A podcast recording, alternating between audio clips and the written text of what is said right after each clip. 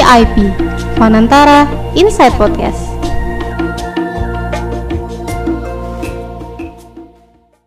Hai VIPers, welcome back to Fanantara Inside Podcast with me Dita yang akan menemani VIPers di episode ke-31 hari ini. How are you guys? Semoga di mana pun kalian berada, selalu sehat dan ingat ya, jika harus keluar rumah, harus tetap menerapkan protokol kesehatan. Oh ya teman-teman, hari ini aku nggak sendirian loh, tapi ditemanin sama partner aku nih. Say hi to Pauline. Hai Dita, thanks for the warmest welcome ya to our listeners. Dan hi VIPers di mana pun kalian berada. Perkenalkan, aku Pauline yang akan juga menemani kalian di episode VIP hari ini. Gak terasa nih VIPers, ternyata kita sudah menginjak episode ke-31. Pastinya setiap minggu kalian masih excited dan terus nungguin podcast kita. Soalnya tema-tema yang dibahas itu selalu menarik dan asik nih untuk diobrolin, ya nggak, Dit? Betul banget, Pauline. Oh ya, aku mau cerita nih. Di era yang semakin modern ini, makin ke sini kita tahu ya, kalau jumlah penduduk makin banyak, otomatis pembangunan secara masif pasti dilakukan di mana-mana. Tapi kadang itu aku sering berpikir loh, pengembangan kota atau pengembangan wilayah yang terjadi secara terus-menerus ini pasti akan memberikan dampak secara langsung maupun tidak langsung bagi lingkungan. Dan aku kepo aja nih, gimana ya biar pengembangan kota atau wilayah yang ada ini bisa tetap menerapkan sistem berkelanjutan gitu. Biar manfaatnya tetap bisa dirasakan oleh anak cucu kita nanti. Hmm, sejujurnya aku juga sering mikir gitu sih, Dit. Di Indonesia, apakah sudah ada ya yang namanya pengembangan kota berkelanjutan atau Sustainable Urban Development? Nah, tapi Dit, Kabar baiknya, kita nggak perlu khawatir nih, sebab pertanyaan-pertanyaan yang kita punya hari ini bisa kita langsung dengar jawabannya dari pakarnya. Siapa lagi kalau bukan Kak Filza Husna atau yang lebih sering dipanggil dengan Kak Una. Beliau merupakan Communication Officer dari kota kita. Halo Kak Una. Hai, halo. Nah, Kak Una, apa kabarnya Kak? gimana kesibukannya di masa pandemi ini yang udah kita lewati kurang lebih setahun belakangan? Baik, baik. Kami di kota kita bekerja dari rumah ya. Kami berbasis di Solo, tapi banyak yang di kota-kota lain juga. Jadi lebih banyak untuk koordinasi dengan uh, kota-kota lainnya gitu. Karena kan nggak bisa langsung datang ke kota-kota uh, nggak bisa berpergian jarak jauh ya. Jadi kami lebih banyak bekerja dari Solo dan Jakarta. Wah, sama juga nih Kak. Kita juga sekarang uh, juga work from home juga nih Kak, karena pandemi sekarang, iya nggak Kak? Oh ya, buat teman-teman VIPers yang belum tahu Kak Una, aku mau kenalin dulu nih ke teman-teman. Kak Filza Husna atau yang akrab disapa Kak Una adalah Communication Officer di kota kita. Nah, Kak Usna sudah bergabung dengan Communication Officer ini dan juga terlibat dalam mengerjakan proyek-proyek yang terkait dengan ketahanan perkotaan dan juga masalah iklim, sambil sesekali juga terlibat dengan kegiatan komunikasi. Wow, luar biasa, menarik banget ya, Dit. Oke deh, kalau gitu, yuk kita langsung aja ngobrol dengan Kak Una. Pastinya ada begitu banyak pertanyaan yang pengen kita dengar langsung jawabannya dari kakak. Yuk, kita mulai. Kak Una, kira-kira bisa ceritain nggak nih kepada VIPers tentang apa itu kota kita, apa saja kegiatannya, serta latar belakang terbentuknya dari kota kita. Jadi kota kita adalah NGO atau lembaga atau organisasi masyarakat sipil yang berfokus untuk mempromosikan kota inklusif dan berkelanjutan di Indonesia gitu. Kegiatannya apa aja? Salah satunya penelitian, terus ikut berkontribusi dalam perencanaan kota, serta uh, berkampanye untuk menggait atensi publik yang lebih luas tentang bagaimana sih kota yang baik itu, bagaimana sih kota yang melibatkan semua orang. Itu sebenarnya kota kita. Kami terdiri dari tim yang berasal dari berbagai latar belakang dan kota kita sebetulnya sudah dimulai sejak tahun 2010 bahkan sebelum itu juga. Jadi kayak kami aktif di kota Solo awalnya dimulai dari bagaimana kita membuat inisiatif untuk menjembatani warga supaya lebih bisa berkontribusi dalam uh, perencanaan kota. Dan dalam hal ini sebetulnya uh, konteksnya adalah musrenbang atau musyawarah perencanaan pembangunan yang mungkin teman-teman sudah sudah atau belum tahu gitu, jadi bisa dicari tahu juga. Musrenbang adalah satu proses yang berniat untuk apa ya mengambil aspirasi warga dari bawah jadi bottom up untuk kemudian mempengaruhi apa sih sebetulnya program-program yang bisa dilaksanakan di area atau di kelurahan mereka gitu. Dan waktu itu eh, kota kita dimulai dari pemetaan ya. Bagaimana apa sih permasalahan yang ada di sekitar kita dan bagaimana sih solusinya untuk kemudian bisa diusulkan dalam perencanaan pembangunan. Lalu bertahun-tahun kemudian kota kita berkembang gitu dan punya berbagai macam program ya, tidak hanya pemetaan dan tidak hanya berfokus dengan musrenbang saja gitu. Walaupun dengan spirit yang sama ya, spirit untuk uh, bagaimana melibatkan semua orang, melibatkan warga terutama kelompok rentan dalam perencanaan pembangunan.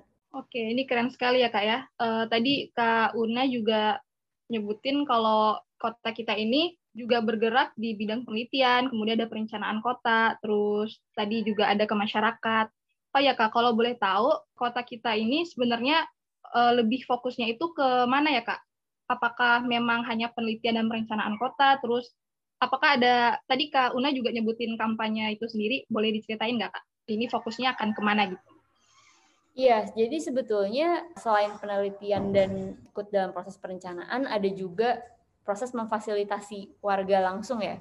Jadi dalam arti kampanye itu kan sebetulnya bisa yang cukup spesifik ke satu komunitas gitu untuk kemudian uh, misalnya di satu kampung kita ingin mengkampanyekan untuk supaya ada proses yang lebih inklusif gitu di di kampung atau di kotanya. Tapi juga ada kampanye yang bersifat lebih umum gitu bagaimana mungkin terutama anak-anak muda gitu untuk lebih mulai peka dan lebih punya banyak exposure uh, mengenai isu-isu perkotaan gitu karena pada akhirnya isu perkotaan tuh sebetulnya adalah isu semua orang yang mungkin dirasakan dampaknya oleh semua orang gitu. Jadi itu sih, jadi ada kampanye yang lebih spesifik, yang lebih menyasar suatu isu dan mungkin suatu komunitas, tapi ada juga kampanye yang bersifat lebih umum dan bersifat apa ya, mengundang gitu lebih banyak partisipasi lagi. Kalau misalnya di kampanye yang bersifat publik tadi, kami menggunakan berbagai kanal juga, salah satunya sosial media.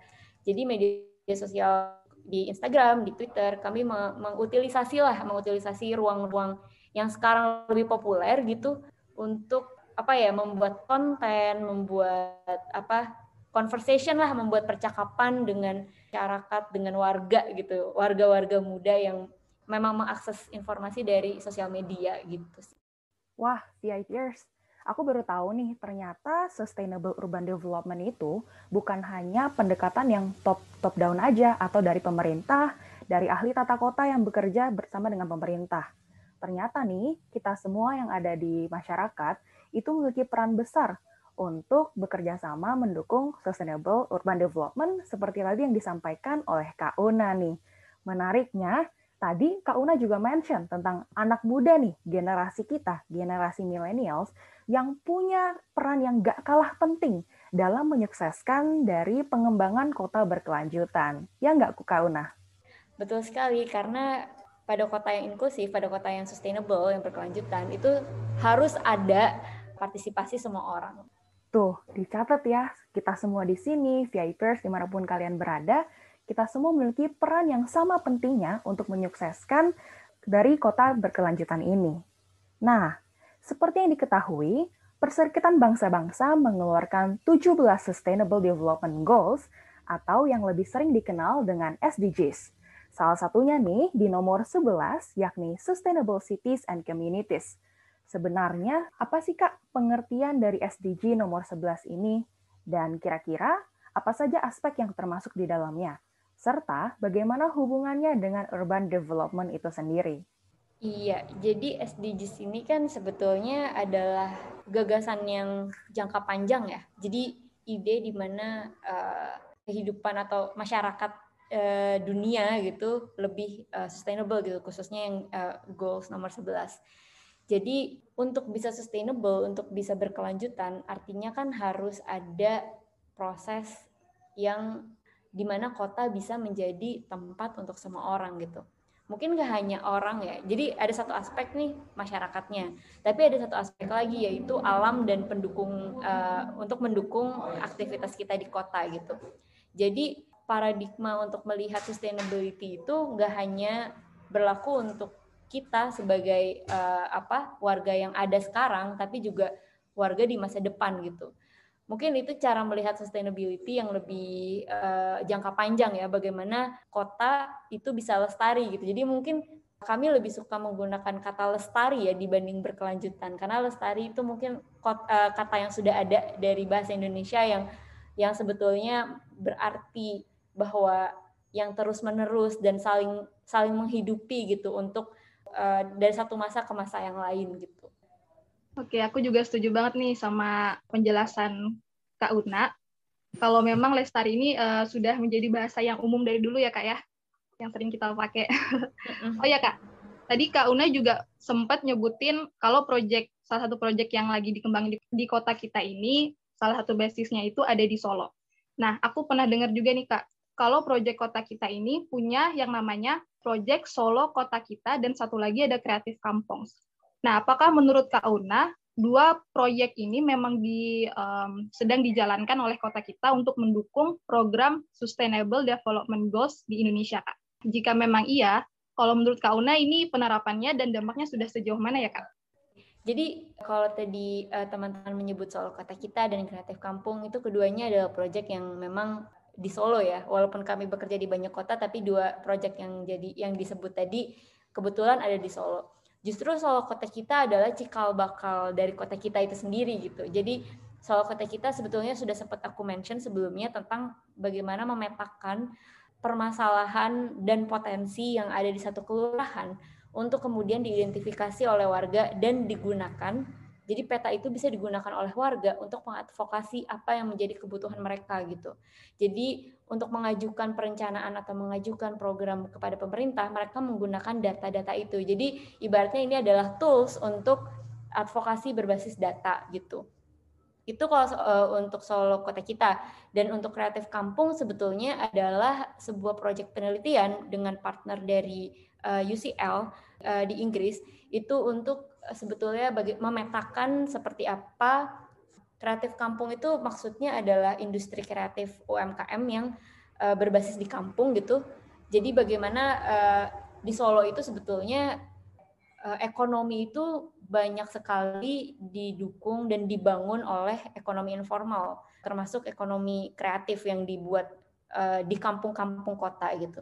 Jadi ketika kita berhasil memetakan aktivitas-aktivitas ekonomi yang kecil-kecil ini, artinya kita bisa mulai melihat dengan gambaran yang lebih uh, komprehensif mengenai bagaimana ekonomi kota itu berlangsung gitu. Jadi ekonomi kota tidak hanya dari sektor formal, tidak hanya dari perkantoran dan mall, tapi juga dari industri-industri kecil yang banyak sekali disokong di kampung-kampung kota.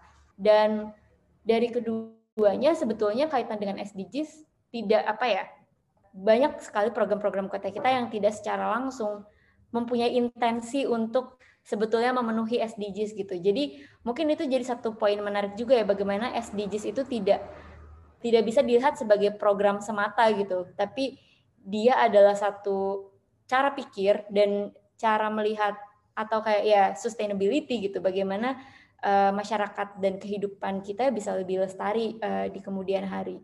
Jadi kalau dibilang memang untuk memenuhi SDGs tidak, tapi kami sangat aware ya dengan bagaimana apa yang kami lakukan sebetulnya bisa berkontribusi dan bisa direplikasi dengan konteks Indonesia gitu uh, untuk bisa kemudian mendukung SDGs. Jadi itu satu topik yang sebetulnya jadi concern kami juga bagaimana SDGs itu sebetulnya perlu terjawantahkan dalam konteks kita ya, dalam konteks Indonesia, dalam konteks kota-kota di Indonesia yang punya cara punya cara untuk uh, membangun kotanya itu dengan kearifan lokalnya juga gitu. Jadi itu sih satu hal yang yang menarik ya bagaimana mengaitkan apa yang kami lakukan dengan SDGs walaupun tidak secara langsung kami membuat program untuk memenuhi SDGs tapi pada akhirnya dia berkaitan dan dan dan bisa di, disinergikan gitu. Kak Una, aku suka banget nih ketika dengar program Kreatif Kampungs. Karena memang nih, dalam Indonesia ini mayoritas perekonomiannya itu disokong oleh UMKM. Sama seperti dengan visi misi dari Presiden Joko Widodo katanya ingin memajukan UMKM Indonesia ke depannya. Keren banget nih. Aku yakin pasti ada begitu banyak warga di Bapak, Ibu di desa, di kampung yang ikut bekerja sama dalam program ini. Tapi Kak Una pengen kepoin lagi nih lebih lanjut tentang Solo Kota kita. Apakah ke depannya ada prospek di mana kota kita akan membentuk program serupa untuk di kota-kota lain di Indonesia?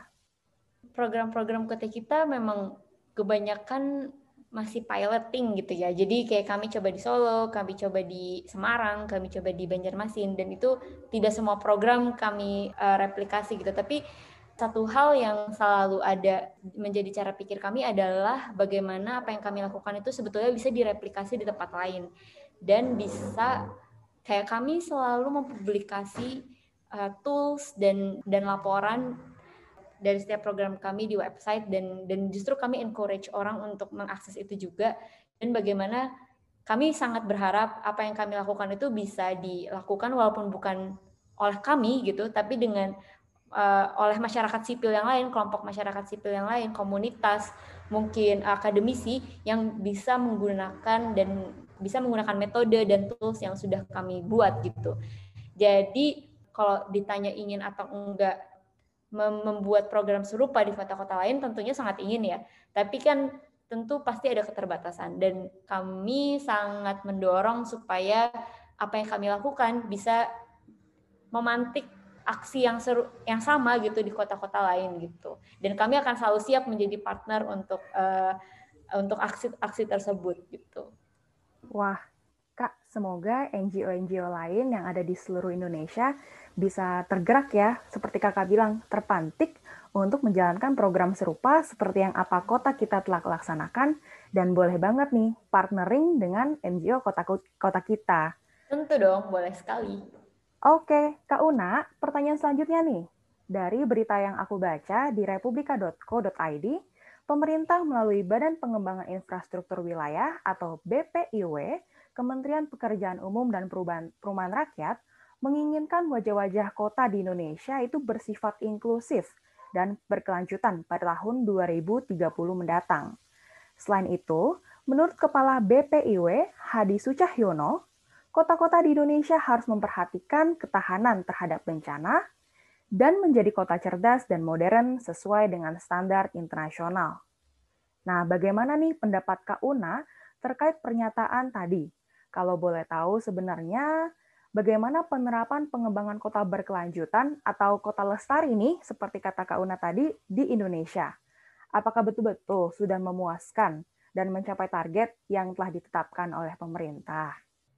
Um, sebetulnya menarik ya pernyataannya itu karena pada prinsipnya pernyataan atau berita itu jatuhnya apa ya mencoba ada ada unsur-unsur yang bisa kita breakdown gitu inklusif berarti melibatkan setiap semua orang semua kelompok terus ada berketahanan bencana atau uh, resilience, uh, resiliency gitu. Lalu ada juga aspek tadi terakhir itu um, smart city ya. Jadi bagaimana governance yang yang yang bisa uh, yang baik gitu. Mungkin ini yang menarik karena kota kita sendiri punya tiga fokus ya. Kami di tim program ada tiga fokus utama fokus pertama adalah urban inclusivity, lalu urban governance, dan urban resilience. Jadi mungkin itu bisa dikaitkan ya bagaimana kota kita juga melihat uh, kota yang lestari itu di situ gitu uh, harus memenuhi paling tidak tiga unsur itu. Jadi tiga tiga fokus itu bisa menjadi pendekatan untuk pertama manusianya gitu dari inclusivity-nya. Lalu yang kedua uh, governance bagaimana pemerintah dan mungkin tata kelola pemerintahan tidak harus tidak harus oleh pemerintah ya bisa jadi tata kelola bersifat komunitas yang juga uh, baik dan dan efektif gitu. Lalu yang ketiga ada urban resilience bagaimana tantangan yang kita hadapi hari ini termasuk bencana alam dan juga uh, tantangan uh, krisis iklim itu juga bisa cepat kita beradaptasi dan pembangunan kota bisa mengikuti atau bahkan bisa membantu mengurangi laju uh, perubahan iklim gitu. Itu sih kayaknya uh, respon respon yang bisa aku berikan ya, yang artinya adalah uh, memang kota kita melihat kota yang baik gitu, kota yang yang ideal itu ketika uh, kita bisa fokus ke tiga unsur itu gitu. Manusia, alam dan juga uh, pemerintahan ya, tata kelolanya gitu. Oke, ini menarik sekali ya Kak. Tadi uh, Kak Una uh, nyebutin tiga fokus utama, ada urban inklusif, urban governance, sama resilience nih Kak. Kalau boleh tahu lebih dalam lagi tentang tiga fokus utama yang tadi Kak Una sebutin, sebenarnya dari kota kita ini apa aja sih Kak yang sudah diaplikasikan dengan menggunakan tiga pendekatan ini Kak secara langsung? Dari program kota kita untuk mewujudkan smart city dari tiga fokus utama yang sudah Kak Una sebutin tadi mungkin tidak harus smart city ya, tapi mungkin aku coba membuka dari uh, setiap fokus tadi. Kalau di urban inclusivity sebetulnya memang dari awal sekali kota kita uh, berdiri itu spirit yang salah satu yang yang mungkin paling core ya. Bagaimana kota yang ideal itu harus melibatkan semua orang, terutama kelompok rentan. Dan kami percaya ketika kota bisa meng, kota bisa mengakomodasi kelompok rentan, artinya kota sudah aman untuk semua orang, artinya kota sudah nyaman untuk semuanya.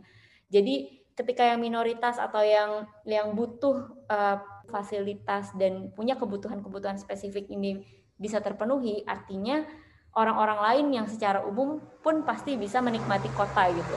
Lalu yang kedua, urban governance tadi itu sebetulnya berkaitan langsung dengan inclusivity ya, bagaimana suara atau aspirasi masyarakat, warga bisa sampai ke, ke pemerintah dan bisa mempengaruhi kebijakan gitu. Lalu di urban uh, resilience kami banyak sekali melakukan penelitian ya sifatnya bagaimana dampak perubahan iklim, dampak krisis iklim ke kota dan bagaimana kota bisa beradaptasi dengan cepat dan uh, efektif dan bagaimana apa ya paradigmanya tidak hanya mengurangi mungkin untuk mengurangi dampak atau mengurangi laju perubahan iklim kan itu butuh usaha yang sangat sistemik ya, yang sangat bersifat uh, nasional bahkan global.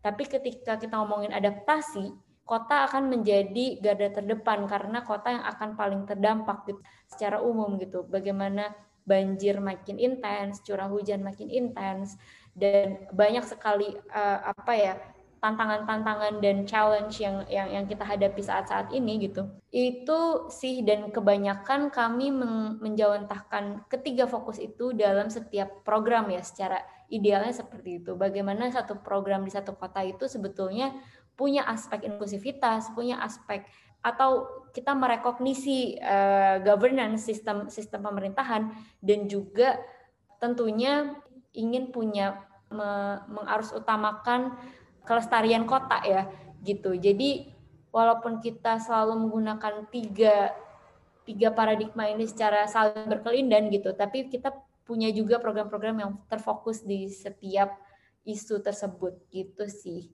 Oke, ini menarik sekali ya kak ya. Oh ya tadi tadi kalau saya tangkap nih kak uh, di fokus yang urban resilience kota kita ini juga melakukan beberapa penelitian yang salah satunya itu dampak krisis iklim terhadap kota. Nah, kalau dari penelitian yang sudah dilakukan oleh kota kita sendiri, ada nggak sih Kak kira-kira temuan-temuan dari penelitian ini yang sebenarnya cukup mengejutkan kita semua nih Kak sebenarnya terhadap masalah perkotaan yang selama ini kita temui kayak gitu Kak? Mungkin salah satu yang menarik dan memang banyak kami kaji itu isu air ya sebetulnya. Air sebagai satu sistem gitu, satu sistem di kota itu sebetulnya cukup kompleks gitu. Jadi kota-kota di Indonesia eh, mungkin contohnya Semarang ya. Semarang itu kan juga diberitakan tenggelam ya. Maksudnya di pesisirnya itu sudah air sudah naik cukup jauh gitu. Ini yang menarik karena kalau kita melihat satu kota itu kita melihat satu sistem gitu dan itu tidak bisa dipisah-pisah. Jadi mereka semua saling saling mendukung untuk membuat satu kesatuan gitu.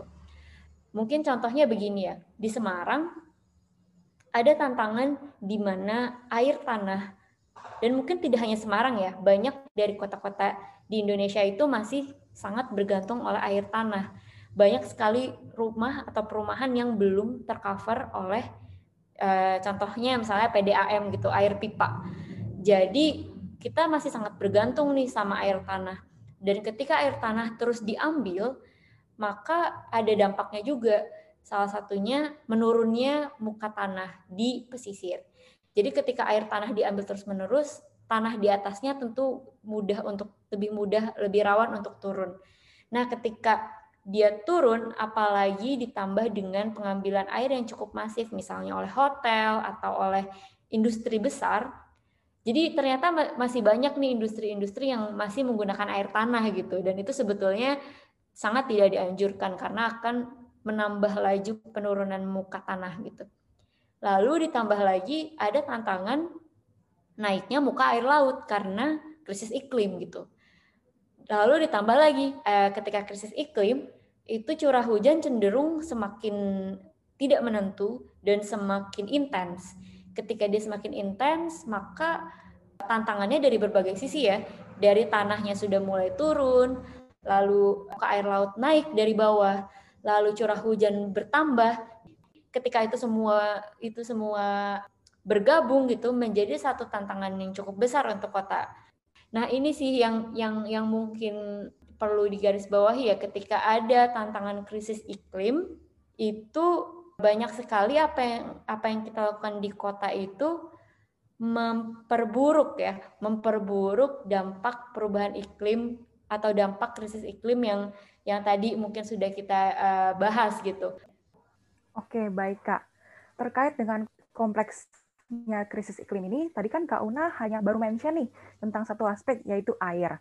Air itu di satu sisi bisa menjadi rejeki nih bagi kita, di mana kita sebagai manusia dan makhluk hidup tentunya membutuhkan air untuk hidup.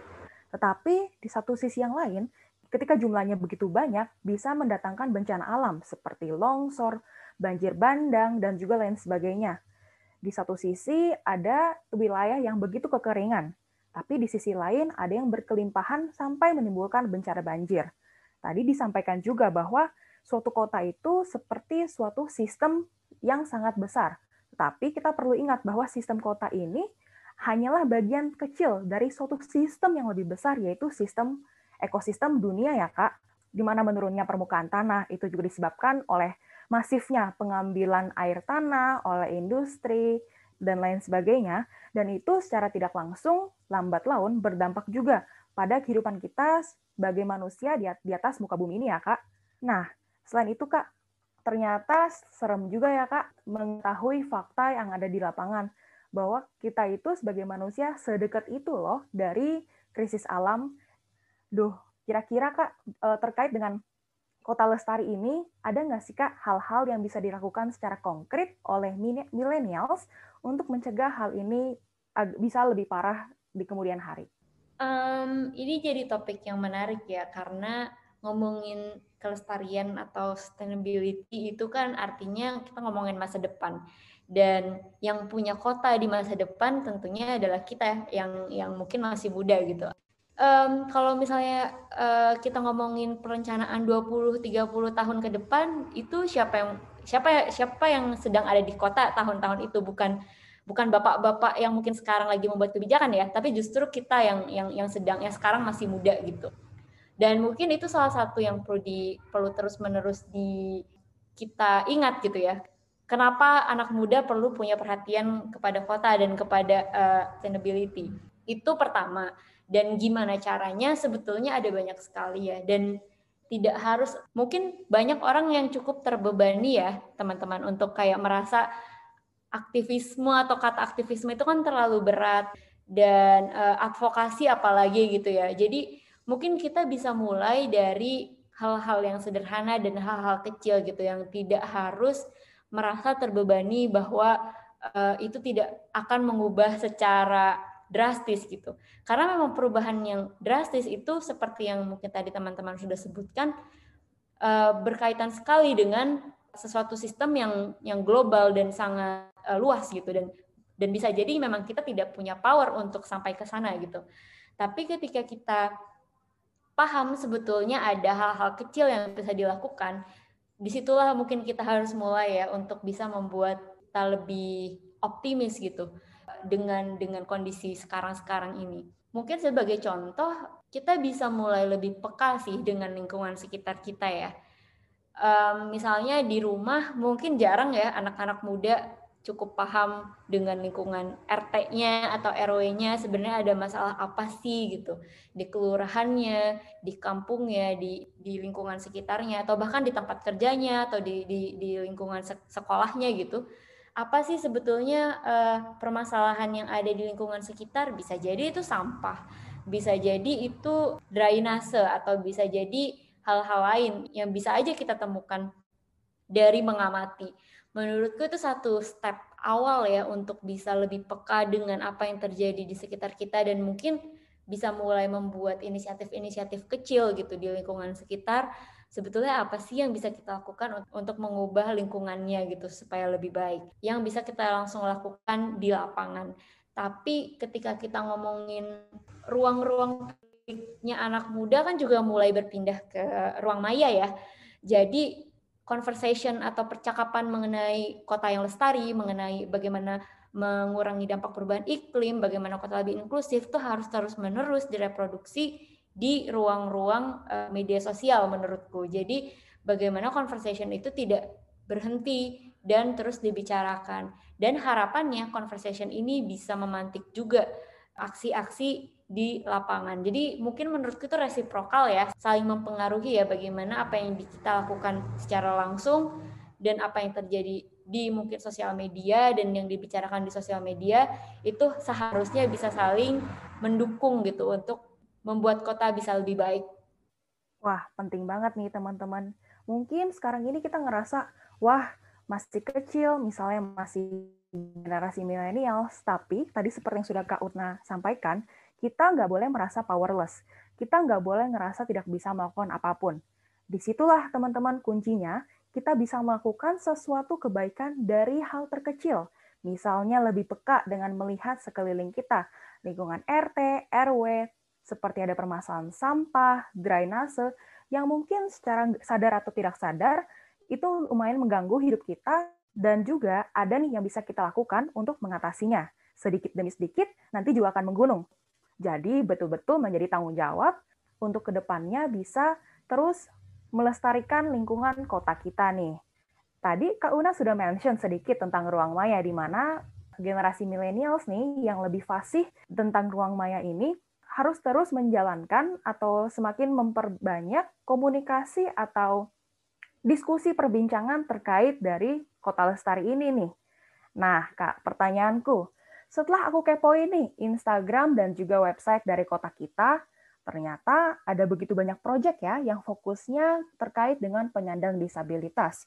Seperti Project Tumi, Inclusive Urban Mobility, yang juga dilakukan di Banjarmasin. Menurutku nih, Kak Una, hal ini tuh luar biasa sekali, karena belum banyak nih pihak-pihak yang berani mengupayakan pembangunan kota yang inklusif bagi para penyandang disabilitas. Kalau boleh sedikit diceritakan Kak tentang perjalanan dari proyek ini. Oke, mungkin ini sebenarnya menyambung apa yang kita bahas sebelumnya ya, bagaimana kota inklusif itu harus melibatkan kelompok rentan, termasuk di dalamnya adalah penyandang disabilitas. Dan ini jadi ini menjadi poin refleksi kota kita juga ya, bagaimana sih sebetulnya perlibatan kelompok penyandang disabilitas dalam perencanaan kota dan itu adalah satu pertanyaan yang terus-menerus kami refleksikan dan kami menjadi proses ya dalam dalam program-programnya kota kita.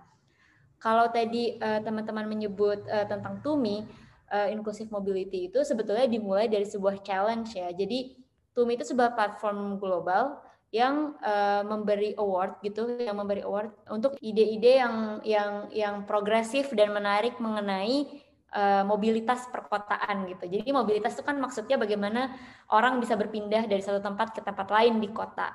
Dan mobilitas itu menjadi salah satu tantangan yang paling besar untuk penyandang disabilitas ya.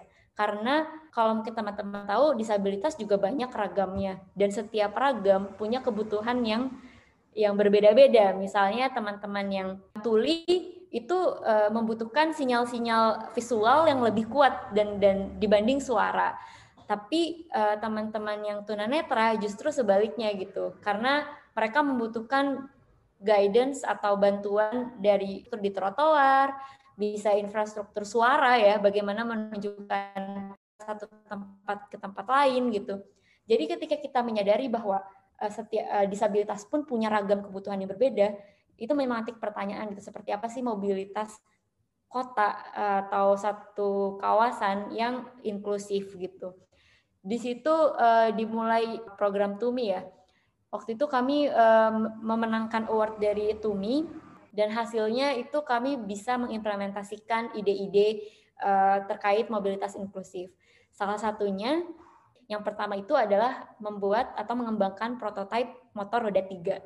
Nah, motor roda tiga ini dibutuhkan oleh teman-teman disabilitas fisik ya yang tidak bisa menggunakan motor uh, yang roda dua gitu dan motor roda tiga ini tidak hanya digunakan untuk untuk mobilitas mereka sendiri gitu tapi kami berharap itu bisa mem, uh, menjadi peluang ekonomi juga buat mereka dan membantu penyandang disabilitas yang lain mungkin contohnya begini jadi teman-teman penyandang disabilitas yang mendapatkan motor roda tiga ini bisa menggunakannya untuk misalnya menjadi ojek uh, yang mengantarkan penyandang disabilitas lainnya gitu. Jadi ketika saling membantu dan saling melihat peluang itu harapannya bisa menjadi solusi yang nggak hanya menyelesaikan satu masalah aja gitu.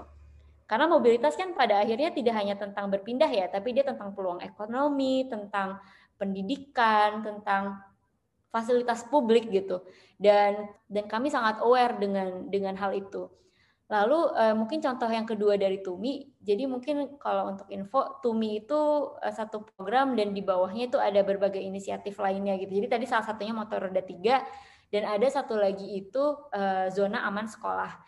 Jadi yang menarik uh, kalau di Banjarmasin itu ada sekolah-sekolah uh, yang disebut sekolah inklusi. Jadi sekolah yang bukan sekolah luar biasa ya, tapi sekolah yang menggabungkan anak-anak uh, dengan disabilitas juga anak-anak dengan yang tidak memiliki disabilitas gitu. Di jadi di satu area sekolah itu kami mengembangkan satu kawasan yang aman untuk anak-anak ya. Dan itu melibatkan langsung anak-anaknya. Jadi kami membuat kami dalam prosesnya berdiskusi langsung dengan mereka, dengan anak-anak SD, dengan anak-anak SMP uh, di sekitar situ, uh, baik anak-anak dengan disabilitas maupun anak-anak de uh, tidak dengan disabilitas gitu. Hasilnya adalah sebuah desain, sebuah rencana yang akan diimplementasikan, yaitu desain uh, zona aman sekolah. Prosesnya kalau dari Tumi adalah bagaimana melibatkan penyandang disabilitasnya langsung untuk menangkap apa sih sebetulnya kebutuhan mobilitas yang mereka butuhkan dan kemudian mengakomodasinya dalam inisiatif uh, program gitu. Semakin dalam ya ternyata uh, program-program yang sudah dijalankan uh, dari kota kita ini sampai menyasar ke para penyandang disabilitas juga nih Kak. Tadi saya juga setuju nih sama pernyataan dari Kak Una, kalau urban development itu nggak hanya soal pembangunan saja, tapi uh, bagaimana sebuah peluang ekonomi, pendidikan, dan sektor-sektor lainnya itu bisa kita maksimalkan potensinya. Jadi kalau menurut aku nih Kak, program yang menyasar penyandang disabilitas melalui programnya Tumi ini, itu kan sangat berdampak sekali ya nggak Kak? Dan pastinya ini akan memberikan manfaat yang lebih lebih luas lagi jika diterapkan uh, dalam suatu area yang lebih uh, lebih besar lagi. Nah, kalau misalnya dari Kak Una sendiri, apakah program TUMI ini selanjutnya tidak hanya diterapkan di Banjarmasin saja, Kak. Apakah ada rencana untuk memperluas skala program ini di daerah atau kota-kota lainnya? Um, sebetulnya untuk saat ini kami masih memang berfokus di Banjarmasin. Dan tapi seperti yang aku sebut tadi itu nggak nggak tertutup kemungkinan ya untuk untuk bisa di, di direplikasi di tempat-tempat lain gitu. Dan itu akan sangat menarik. Tapi dari kota kita sendiri yang kami usahakan adalah bagaimana proses di Banjarmasin ini itu kan sebetulnya memang proses yang masih uh, jarang ya dilakukan di Indonesia apalagi oleh pemerintah gitu. Dan yang kami usahakan sebetulnya adalah bagaimana proses-proses tadi dan mungkin kayak panduan untuk membuat apa yang kita buat di Banjarmasin itu bisa disebarluaskan gitu. Dan itu yang memang uh, memang kami rencanakan ya bagaimana misalnya tadi untuk zona aman sekolah kita bisa bisa mengembangkan guidebook bagaimana sih membuat zona yang aman sekolah lalu uh, untuk tadi prototipe uh, motor roda tiga itu juga bisa terdokumentasikan dengan baik supaya orang-orang lain juga bisa membuat hal yang serupa gitu dan dan mungkin mengadopsi sistem yang sama meskipun mungkin perlu disesuaikan di kota-kota lainnya. Jadi mungkin itu salah satu step pertama ya untuk bagaimana bisa membuat ini berdampak lebih banyak adalah membuat informasi itu lebih aksesibel. Informasi mengenai bagaimana cara kita membuat kota yang lebih inklusif tadi atau zona uh, atau kawasan yang ramah uh, penyandang disabilitas tadi itu bisa lebih mainstream ya, bisa lebih arus utama dan bisa lebih dicerna dengan mudah oleh publik gitu. Dan itu dimulai dari informasi yang yang yang mudah diakses gitu sih. Itu menurutku adalah satu step penting dan memang yang akan kami mulai dulu gitu sebelum betul-betul bisa mereplikasi ini di banyak kota lainnya. I see ya Kak, ini sangat-sangat bisa jadi sebuah langkah pertama yang mungkin nantinya bisa fokus dulu kali ya Kak untuk menyasar satu daerah dan nantinya juga akan semakin uh, memberikan dampak yang lebih luas lagi kepada masyarakat sekitar. Ya, betul. Harapannya sih sebetulnya uh, dari dari informasi dan dari rangkuman apa yang kami lakukan ada pemerintah atau banyak pemerintah kota lainnya atau organisasi lainnya yang melihat ya dan terinspirasi dan mungkin ingin juga membuat hal serupa di kota-kota mereka gitu. Betul sekali. Harapannya ini bisa jadi program dan concern bersama kali ya Kak. Jadi concern bersama semua pihak. Jadi nantinya bisa dari program kota kita bisa menjadi referensi untuk komunitas-komunitas lainnya di Indonesia.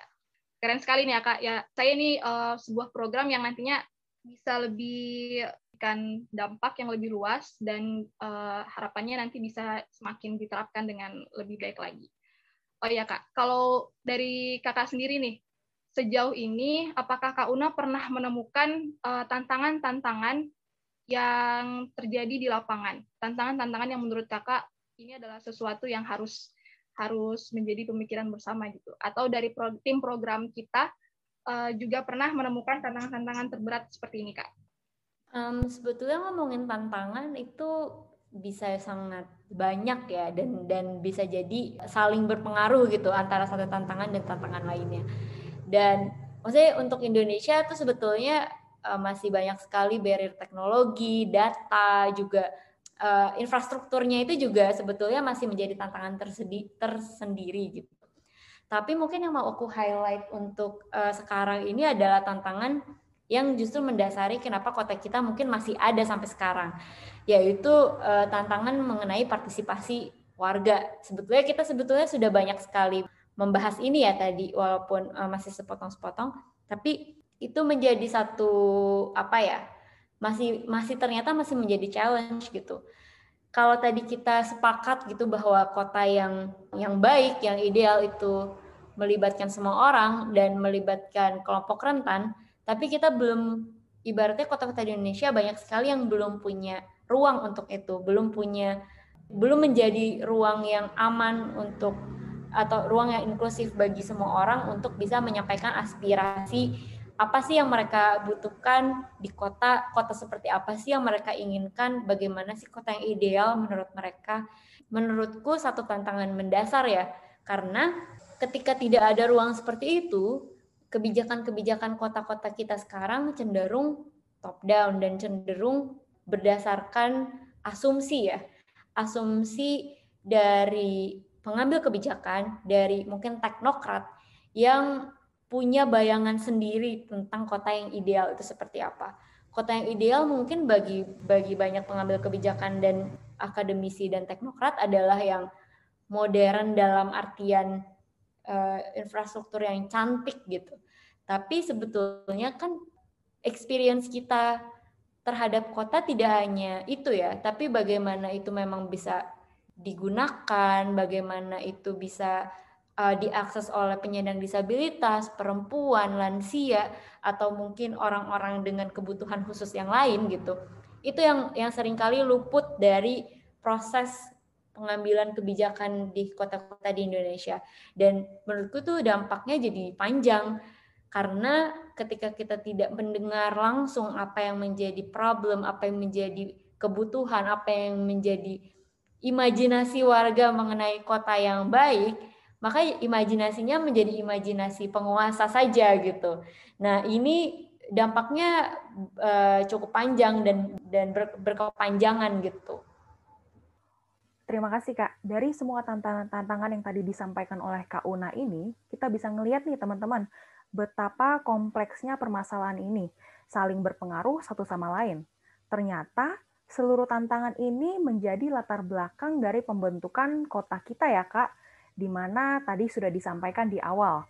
Kota kita memiliki fokus yang untuk urban inclusivity, urban governance, dan urban resilience menghadirkan sebuah kota lestari yang melibatkan seluruh kelompok rentan masyarakat warga dan mereka bisa menyampaikan aspirasinya kepada para pemangku jabatan. Bukan hanya meng, e, mengadakan kota sesuai dengan imajinasi penguasa ya Kak dalam tanda kutip. Adapun kota lestari tadi disampaikan oleh Kak Una juga harus tahan terhadap dampak dari krisis iklim tersebut. Wah, sekarang aku udah paham nih bagaimana kenapa kota-kota kita ini ada dan juga begitu penting adanya kota lestari di Indonesia dan juga dan juga bahkan di seluruh dunia. VIPers, seru banget ya sesi obrol kita hari ini. Tadi kita udah dengar juga nih tentang kompleksitas permasalahan iklim. Apa aja nih yang bisa dilakukan oleh generasi millennials, serta program-program inklusif menarik yang diadakan oleh kota kita khususnya bagi para penyandang kaum uh, disabilitas. Sampai-sampai nih Kak Una, Dita, nggak kerasa ternyata kita udah ngobrol selama kurang lebih sejam nih bersama dengan narasumber luar biasa kita, Kak Una. Tapi buat teman-teman di sini yang misalnya masih pengen tahu lebih lanjut tentang urban development, kegiatan-kegiatan yang ada di kota kita, bisa banget langsung kepoin ke website dan social media milik kota kita. Nah, Silakan Kak Una boleh banget share kepada seluruh VIPers di rumah tentang akun sosial medianya kota kita. VIPers, jangan lupa dicatat ya. Iya, terima kasih. Boleh dong untuk uh, di-follow uh, Instagram kota kita at kota kita org atau at kota kita org. Kami cukup rutin mempublikasi konten-konten uh, mengenai isu perkotaan, jadi boleh ditunggu dan di, diikuti. Selain itu, untuk yang lebih formal bisa membaca langsung website kami uh, kotakita.org. Di situ ada report, ada tools dan ada blog yang mungkin bisa menginspirasi teman-teman untuk uh, mempelajari lebih jauh mengenai isu-isu perkotaan. Terima kasih Kak Una. Nah, sudah sesi bincang-bincang kita dengan Kak Una dari Communications Officer Kota Kita. Semoga uh, apa yang disampaikan Kak Urna tadi bisa memberikan insight-insight baru ke para VIPers di rumah nih tentang isu perkotaan, kemudian tentang urban development dan juga dampaknya bagi lingkungan, serta uh, apa peran yang bisa kita ambil sebagai generasi muda dalam upaya mendukung pengembangan kota yang lestari. Nah, VIPers, jangan lupa juga ya, Fanantara Insight Podcast bakal hadir di setiap hari Rabu. So, siap-siap dengar obrolan kita soal lingkungan dan hutan. Karena menjaga lingkungan dan hutan bukan saja tugas pemerintah ataupun tugas petugas yang berwajib, tapi juga tugas kita nih sebagai individu yang hidup di muka bumi ini. Oke deh, sampai di sini dulu ya episode VIP hari ini. If you have any inquiries and suggestion, dapat menghubungi kami di @fanantara. Stay safe, stay healthy, and see you all. See you guys!